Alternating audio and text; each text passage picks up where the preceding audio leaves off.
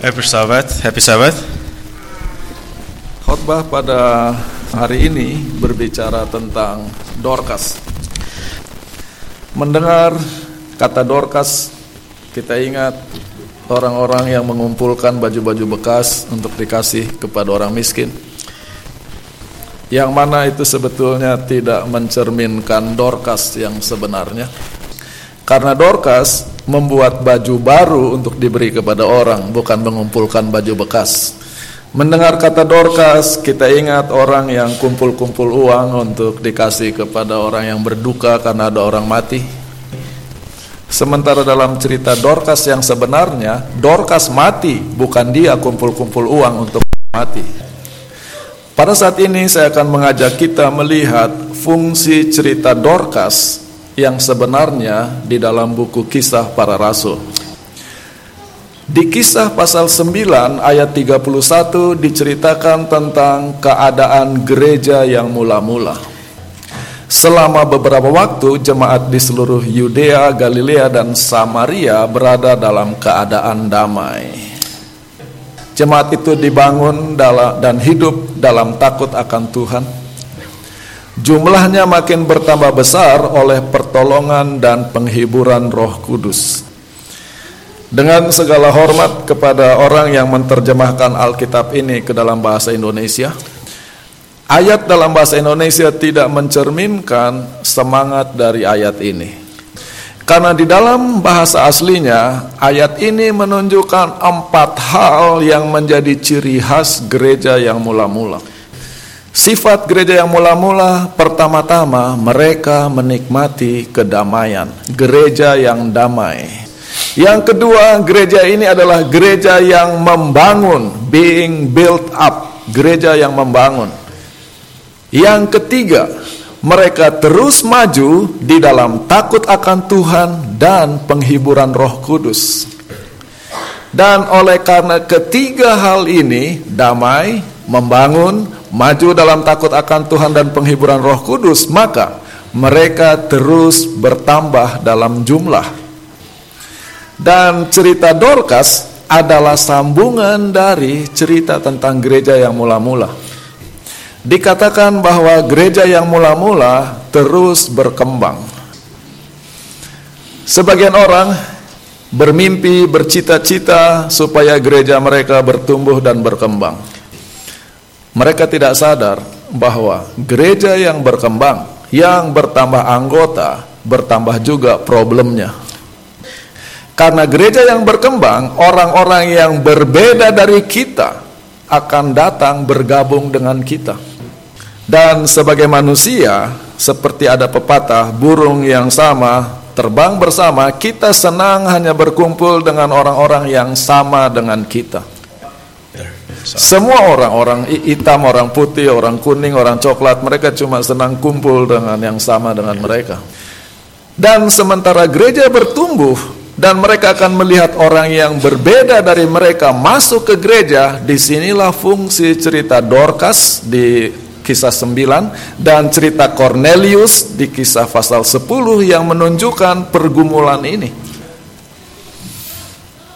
Di Yopa ada seorang murid yang namanya Tabita yang dalam bahasa Yunani Dorcas. Maka adalah suatu kebetulan yang menyenangkan sebelum saya khotbah yang baca ayat inti adalah Tabita. Perempuan itu banyak sekali berbuat baik dan memberi sedekah. Tetapi pada waktu itu ia sakit lalu meninggal. Inilah kenyataan dunia, orang baik cepat mati, orang jahat umur panjang.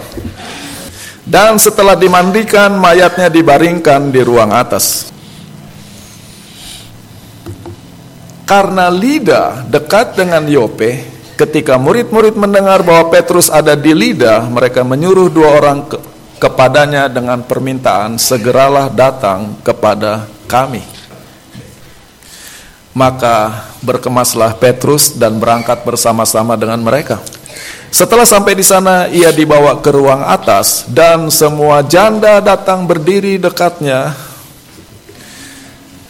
Sambil menangis mereka menunjukkan kepadanya semua baju dan pakaian yang dibuat Dorcas waktu ia masih hidup.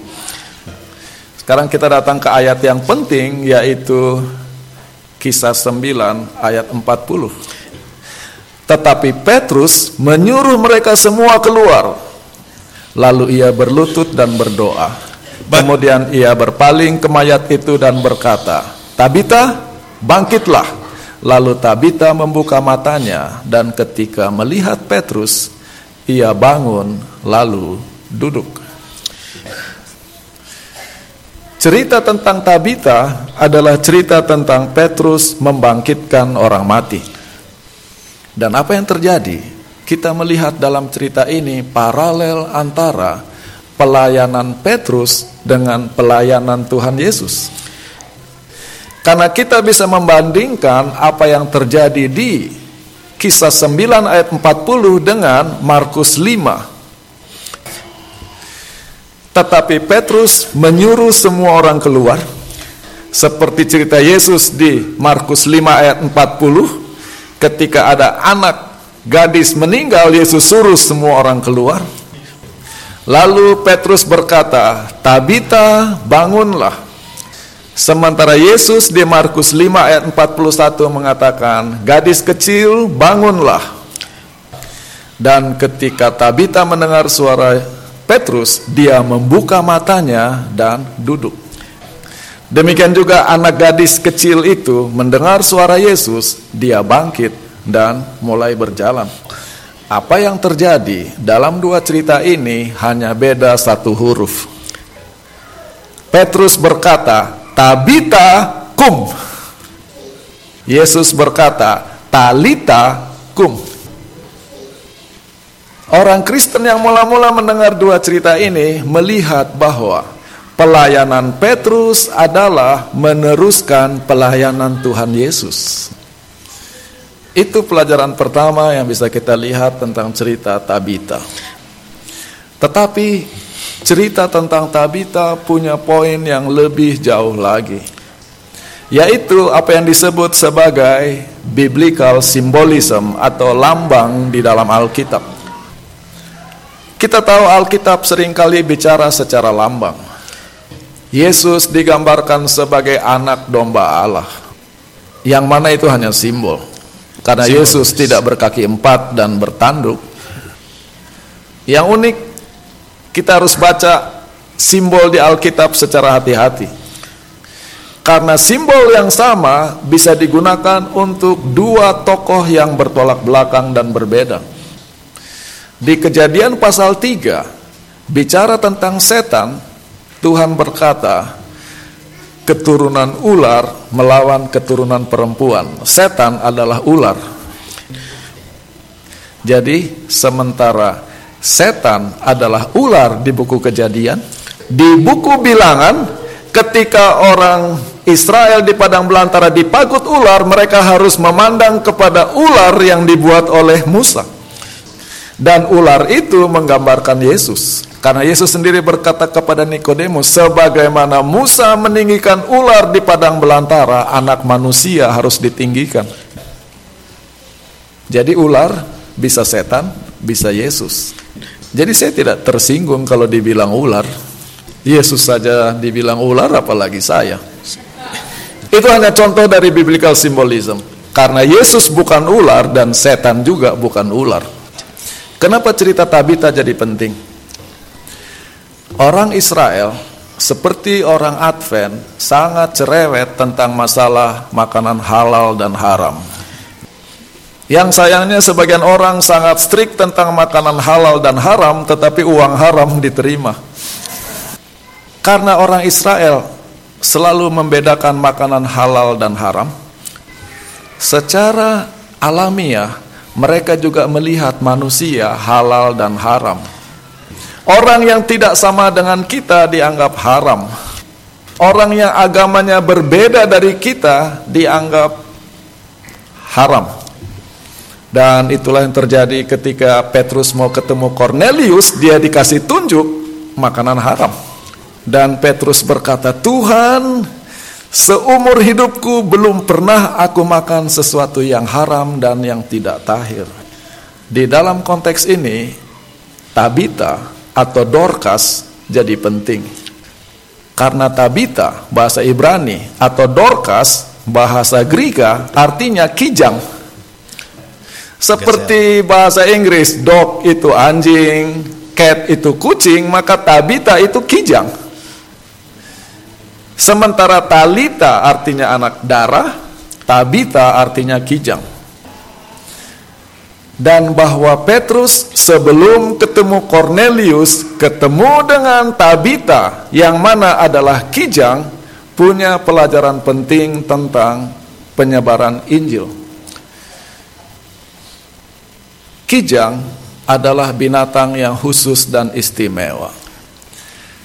Dan kijang adalah salah seekor binatang yang umum di tanah Israel. Ukurannya kecil dan binatang itu adalah binatang yang lembut, bukan binatang buas.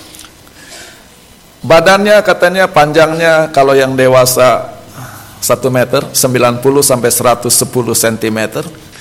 Kalau berdiri tingginya antara 55 cm sampai 65 cm. Itu bahunya ya, tidak dihitung dengan kepalanya. Ekornya kurang lebih 20 cm panjangnya. Dan beratnya 20 kilo, ringan. Kijang adalah binatang yang unik karena disebut sebagai binatang yang di perbatasan atau di antara. Dibilang binatang buas bukan, tetapi dibilang binatang peliharaan juga bukan. Tidak seperti anjing, kucing yang dipelihara manusia, tidak seperti buas, kijang tidak, tidak dipelihara tetapi juga tidak buas. Kijang juga tidak tinggal di hutan atau di padang belantara, tapi juga tidak tinggal di rumah. Dia lewat-lewat saja di sekitar-sekitar, tapi di antara. Lebih jauh lagi, kijang sebagai binatang halal punya ciri khas yang unik. Mari kita baca hukum tentang cara makan makanan di Alkitab. Ada makanan yang harus dimakan di Ka'bah. Jadi kalau kita bilang ini Ka'bah Tuhan, ini Ka'bah Tuhan, lalu kita salah karena orang Israel tidak pernah masuk ke Ka'bah. Yang lain tinggal di luar. Itu simbolisme juga. Maka keluaran uh, sorry, Ulangan 12 ayat 11 mengatakan ke tempat yang dipilih Tuhan Allahmu untuk membuat namanya diam di sana, haruslah kamu bawa semuanya yang kuperintahkan kepadamu.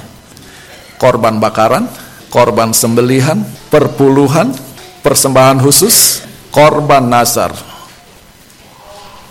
Lalu waktu bawa persembahan nggak boleh ngomel-ngomel, mengeluh, saya sudah berkorban bagi Tuhan. Kamu harus bersukaria waktu kumpulkan perpuluhan dan persembahan. Kamu, anakmu laki-laki, anakmu perempuan, hambamu laki-laki, hambamu perempuan, dan orang Lewi. Tetapi ada makanan yang tidak harus dibawa ke Ka'bah. Engkau boleh menyembelih dan memakan daging sesuka hatimu, sesuai dengan berkat Tuhan Allahmu yang diberikan nya kepadamu di segala tempatmu. Dan tentang makanan ini katanya orang najis maupun orang tahir boleh makan memakannya.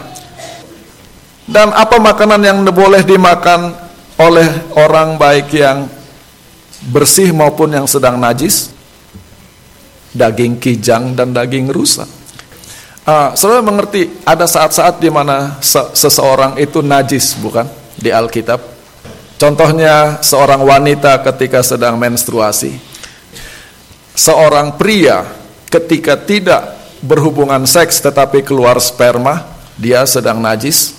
Dan mereka tidak boleh ke Ka'bah. Mereka tidak boleh ambil bagian dalam memakan makanan yang jadi korban. Tapi mereka boleh makan daging kijang dan daging rusa. Maka demikianlah kita bandingkan ayat ini di ayat 11 bicara tentang daging-daging yang harus dimakan di Ka'bah dibanding ayat 15 daging yang boleh dimakan di rumah sendiri. Yaitu daging kijang dan daging rusa.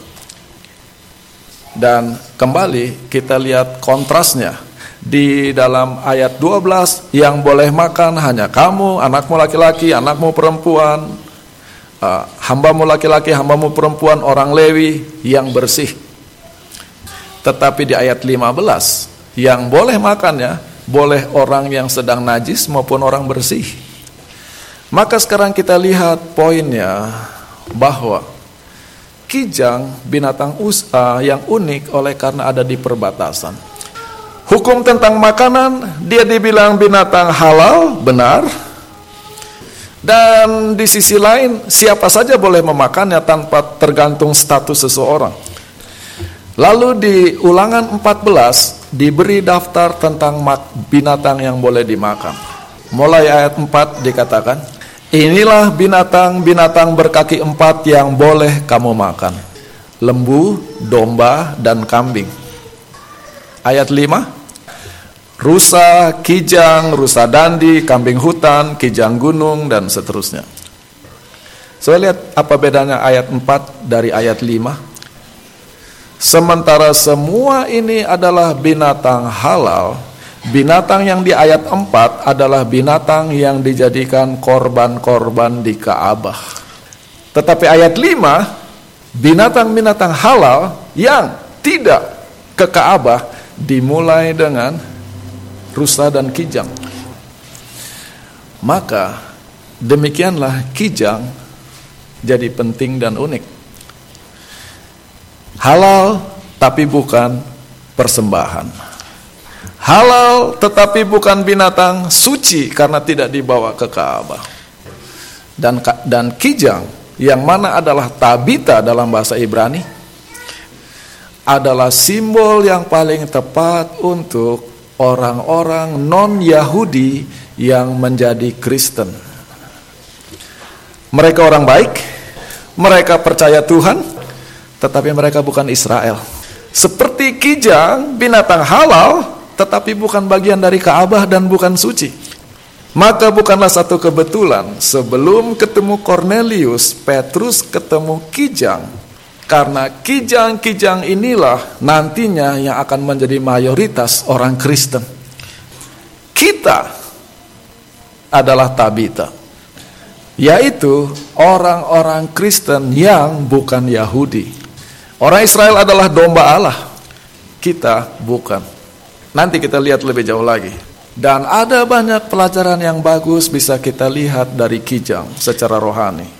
Seperti kijang dan rusa yang merindukan mata air, demikianlah jiwaku rindu kepada Tuhan. Jiwaku haus kepada Allah. Ciri khas kijang adalah binatang yang selalu haus air. Demikian juga orang Kristen selalu rindu kepada Tuhan. Yang mana Tuhan adalah mata air hidup. Dan ada satu hal yang unik di sini. Maaf dari tadi saya menggunakan kata unik karena memang ceritanya unik. Ketika Petrus memanggil nama Tabita dengan mengatakan Tabita kum, reaksi pertama dari Tabita adalah membuka matanya.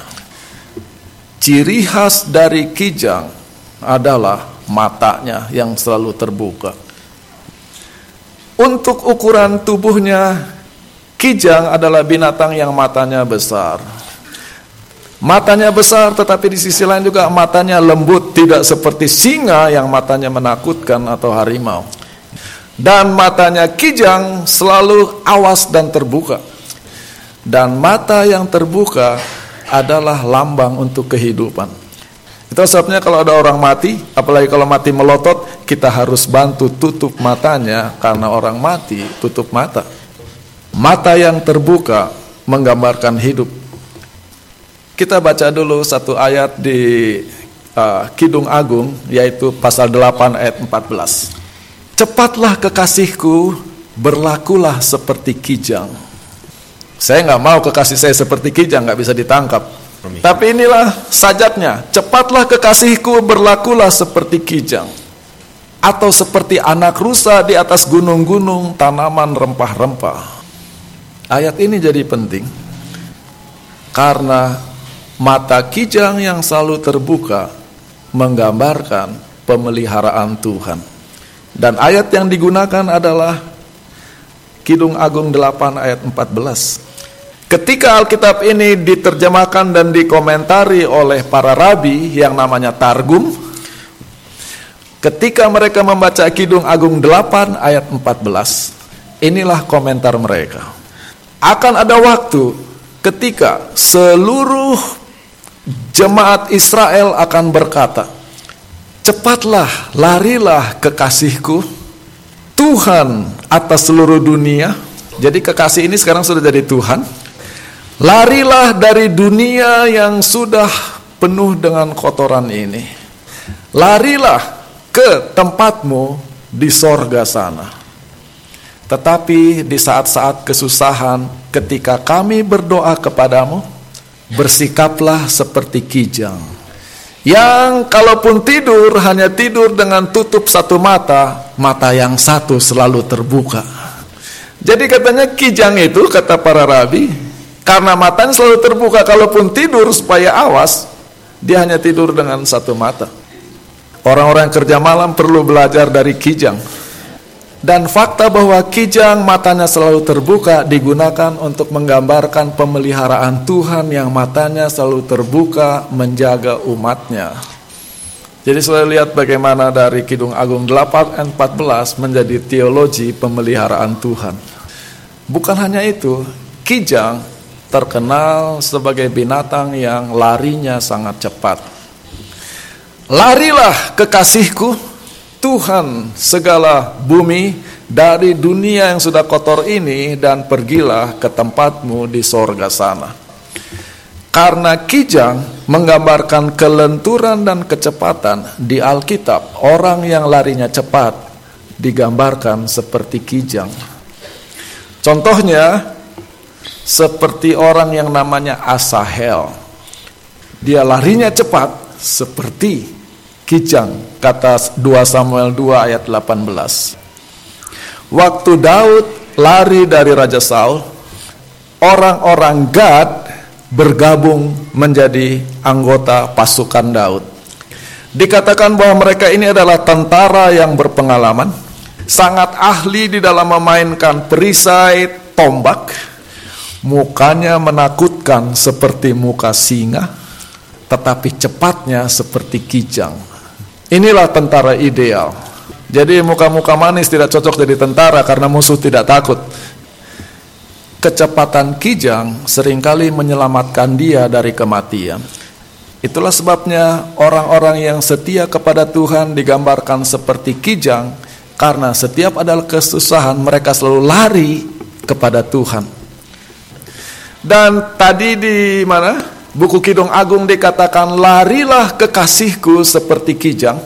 Lalu para rabi menggambarkan Ibrahim, Ishak dan Yakub adalah orang-orang yang sangat cepat di dalam menyembah Tuhan seperti cepatnya kijang datang kepada Tuhan. Karena banyak sekali orang sangat cepat untuk dengar kalau ada persoalan, tetapi sangat lambat kepada datang kepada Tuhan seperti kura-kura. Tetapi Ibrahim, Ishak dan Yakub digambarkan selalu cepat datang kepada Tuhan bagaikan kijang. Lalu ada ayat di Imamat 19 ayat 34 yaitu amaran kepada orang Israel supaya baik kepada orang asing. Orang asing yang tinggal padamu harus sama bagimu seperti orang Israel asli dari antaramu. Kasihilah dia seperti dirimu sendiri. Karena kamu juga dulu orang asing di tanah Mesir. Jangan lupa kacang akan kulitnya, itu yang Tuhan bilang.